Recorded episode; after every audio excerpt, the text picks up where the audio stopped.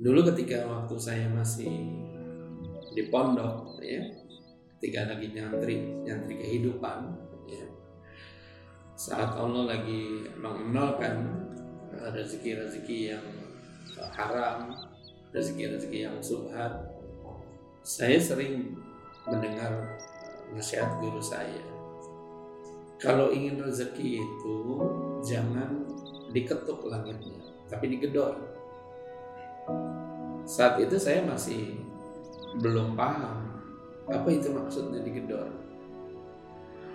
Lalu guru saya mengatakan coba dong lihat dalam Al-Quran surat Az-Zariyat ayat 22 ya.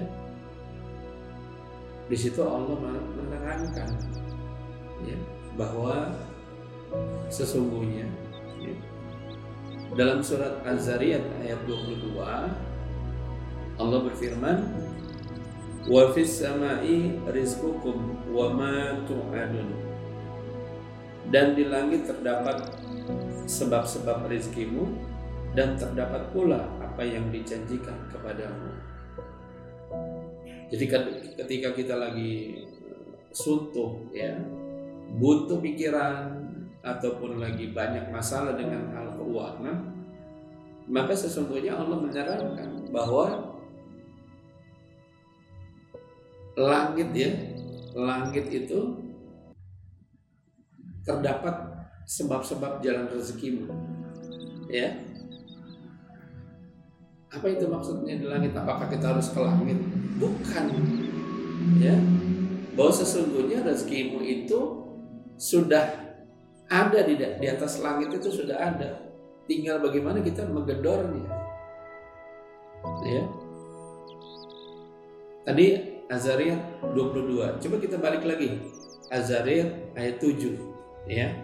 Di situ di dalam surat Azariyat ayat 7 dikatakan demi langit yang mempunyai jalan-jalan. Artinya mempunyai rute jalan rezekimu.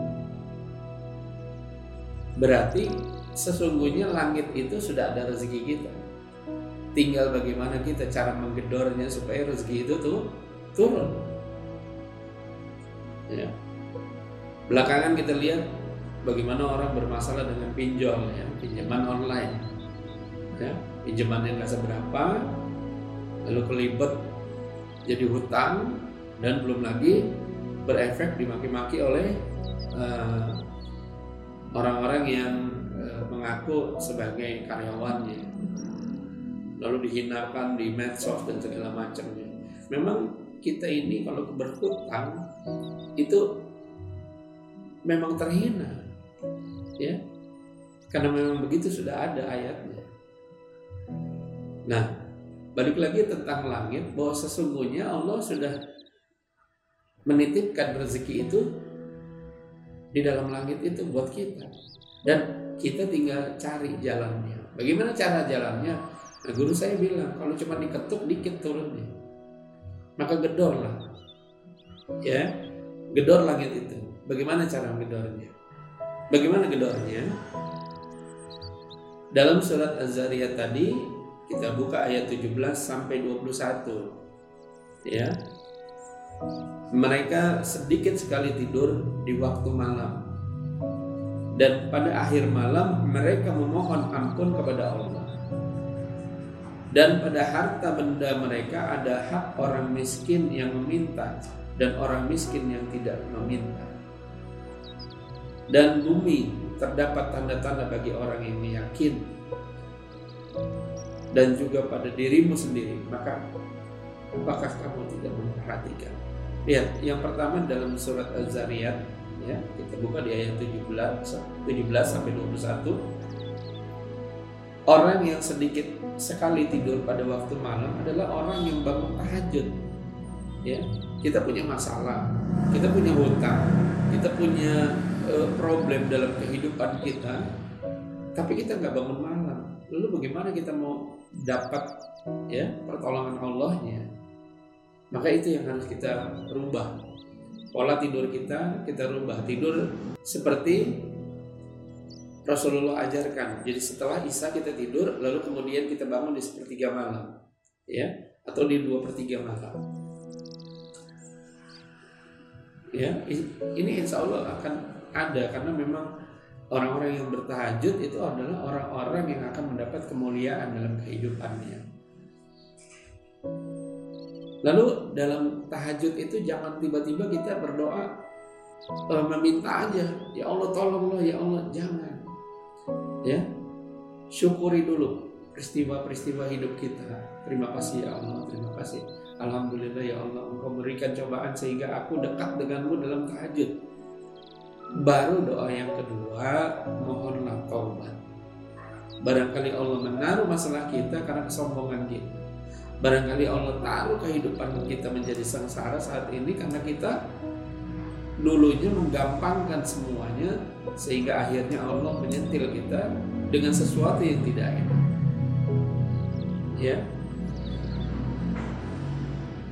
Lalu yang ketiga di di ayat itu di rangkuman ayat itu bahwa bersedekahlah. Karena ada orang-orang yang meminta-minta sedekah kepada kita.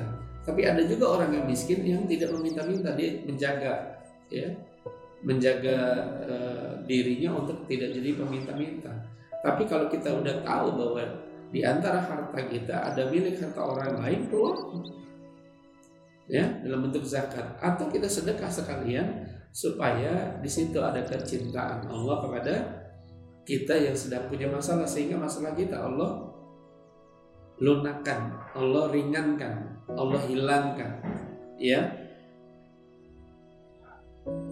dan di bumi ini terdapat tanda-tanda bagi orang-orang yang yakin Nah, kalau kita sudah berdoa, kita udah bangun malam, kita udah memohon ampun kepada Allah, yakin saja bahwa peristiwa hidup kita akan Allah hilangkan. Yang buruk menjadi mulia. Ya.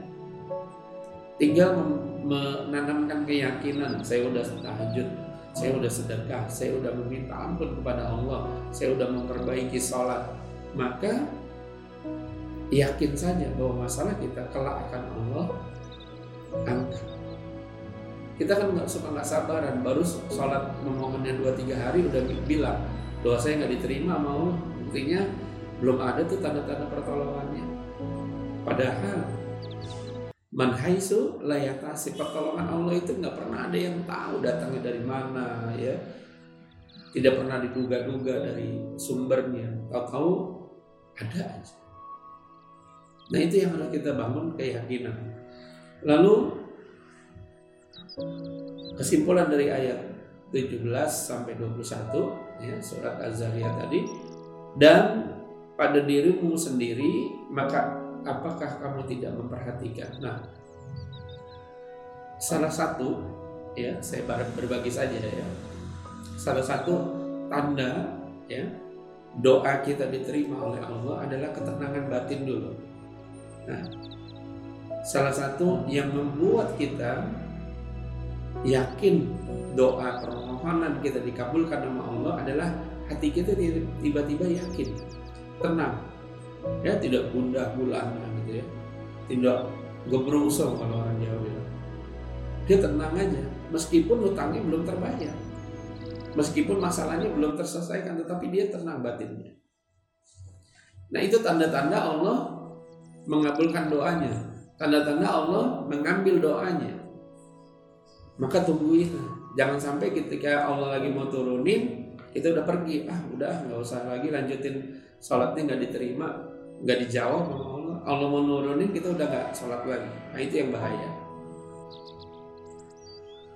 Maka di ayat 21 potensi kita itu dimaksimalkan ya silaturahmi ketemu sama orang ya lalu berbuat kebaikan saja ya sedekah ilmu sedekah perbuatan insya Allah ada ada yang ngambil itu karena manhai sulaytasi pertolongan Allah itu dari tempat yang kita tidak pernah duga ya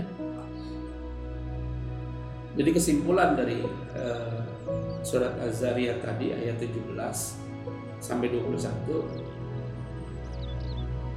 pertama adalah sholat tahajud yang banyak bangun tahajud ya. Jangan pernah tinggalin. Coba aja jajalin. 40 hari kita sholat tahajud, apa yang lo jawab? Yang kedua, perbanyak istighfar. Ya, di ayat 18-nya perbanyak istighfar. Ya, perbanyak istighfar, sholawat. Bahkan kita pernah tahu kan ada orang yang utang miliaran terbayar oleh bacaan istighfar dan sholawat. Yang ketiga perbanyak sedekah. Jangan sedekah ketika kita lagi ada masalah, ketika lagi masalah kita udah nggak ada, kita hilang sedekahnya. Banyak ter terjadi seperti itu. Ya. Ayat 20-nya menangkap potensi lingkungan. Lihat lingkungan kita, teman-teman kita. Ya, yakin aja ada pertolongan dari sekitarnya, dari perbuatan kita. Kita baik sama lingkungan, maka lingkungan akan merespon baik ya, ayat 21-nya memaksimalkan potensi diri kita. Maka ada satu kisah ya dari sahabat Nabi yaitu Bilal. Ya, Bilal ini eh, padahal ketika eh, Rasulullah SAW Isra Mi'raj ya bersama malaikat Jibril. Nah, ada kisah cerita bahwa sendalnya Bilal itu udah sampai di langit Padahal Bilalnya masih di dunia ya. Lalu apa yang menyebabkan eh, sendalnya Bilal ini udah sampai di surga nih? Dia udah nyampe di langit terus ditaruh di surga. Padahal Bilalnya masih hidup.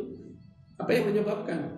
Karena setelah ditanya oleh ke Bilal, Bilal ini adalah orang yang nggak pernah batal wudhu ya Bilal ini nggak pernah batal wudhu dia berwudhu lalu kemudian batal ya buang air kecil buang air besar atau makan atau ngapain lalu dia berwudhu lagi terus aja dilakukan sepanjang hidupnya coba ini di Isra Mi'raj ya ketika Rasulullah Mi'raj ke langit sendalnya Bilal Rasulullah lihat sudah ada di surga Masya Allah kan sedangkan wujud orangnya orangnya belum sampai sendalnya udah nyampe. Nah, ini yang harus kita ambil ya. Betapa ibadah-ibadah kecil, ibadah-ibadah ringan kita ya diistiqomahkan ya, maka akan berefek kepada kebaikan. Kan juga dosa kecil itu kalau dikumpulin lama-lama jadi dosa besar. Percaya nggak? Orang jadi males ibadah karena tadinya awalnya dosa-dosa kecil. Karena Bilal ini ternyata memang rajin berwudu, maka Bilal ini dijamin masuk surga. Sendalnya aja bisa sampai surga dulu. Lalu bukan hanya Bilal rajin berwudu saja, Bilal juga melakukan sholat ya dua rakaat sunnah ya. Qobliyah, Badiyah dia lakukan dia nggak pernah tinggal. Nah maka guru saya bilang kalau kita mau mau dapat rezeki mau gedor langit jangan kurang-kurang ya sholat itu 50 rakaat saya pikir sholat 50 rakaat gimana ya? Sedangkan dulu aja Rasulullah SAW ketika disuruh sholat 50 waktu Rasulullah minta diskon kan? Nah ini hubungannya 50 rakaat dengan 50 waktu. Sebenarnya 50 rakaat itu gabungan ya gabungan sholat. Wajib kita 17 rakaat lalu qobliyah badiyah lalu sholat tobat lalu sholat tahajud ya lalu sholat duha itu udah dihitung aja udah lebih ya tahajud kita jangan dua kalau bisa sholat tahajud kita 8 ditutup oleh 3 witir 11 rakaat. Dua kita jangan dua, tapi bisa 4 atau 6. Ya, qobliyah ba'diyah fardu. Insya Allah dalam setiap hari kita bisa melewati sholat 50 rakaat. Nah, itu cara bagaimana kita menggedor langit yang isinya langit itu adalah rezeki kita. Masa kita nggak mau sih? Ya, kita gedor langit kencang-kencang supaya rezeki itu turun. Nah, gedornya dengan cara ibadah yang maksimal.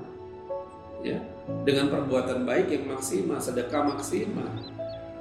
Kalau kita nggak maksimal, maka untuk menggapai rezeki langit pun masih kejauhan ya, karena ibadah kita cuma naik segini sedangkan selisihnya masih jauh. Tapi kalau ibadah kita udah panjang udah banyak maka langit pun akan turun memberikan rezeki kita. Itu yang maksud guru saya.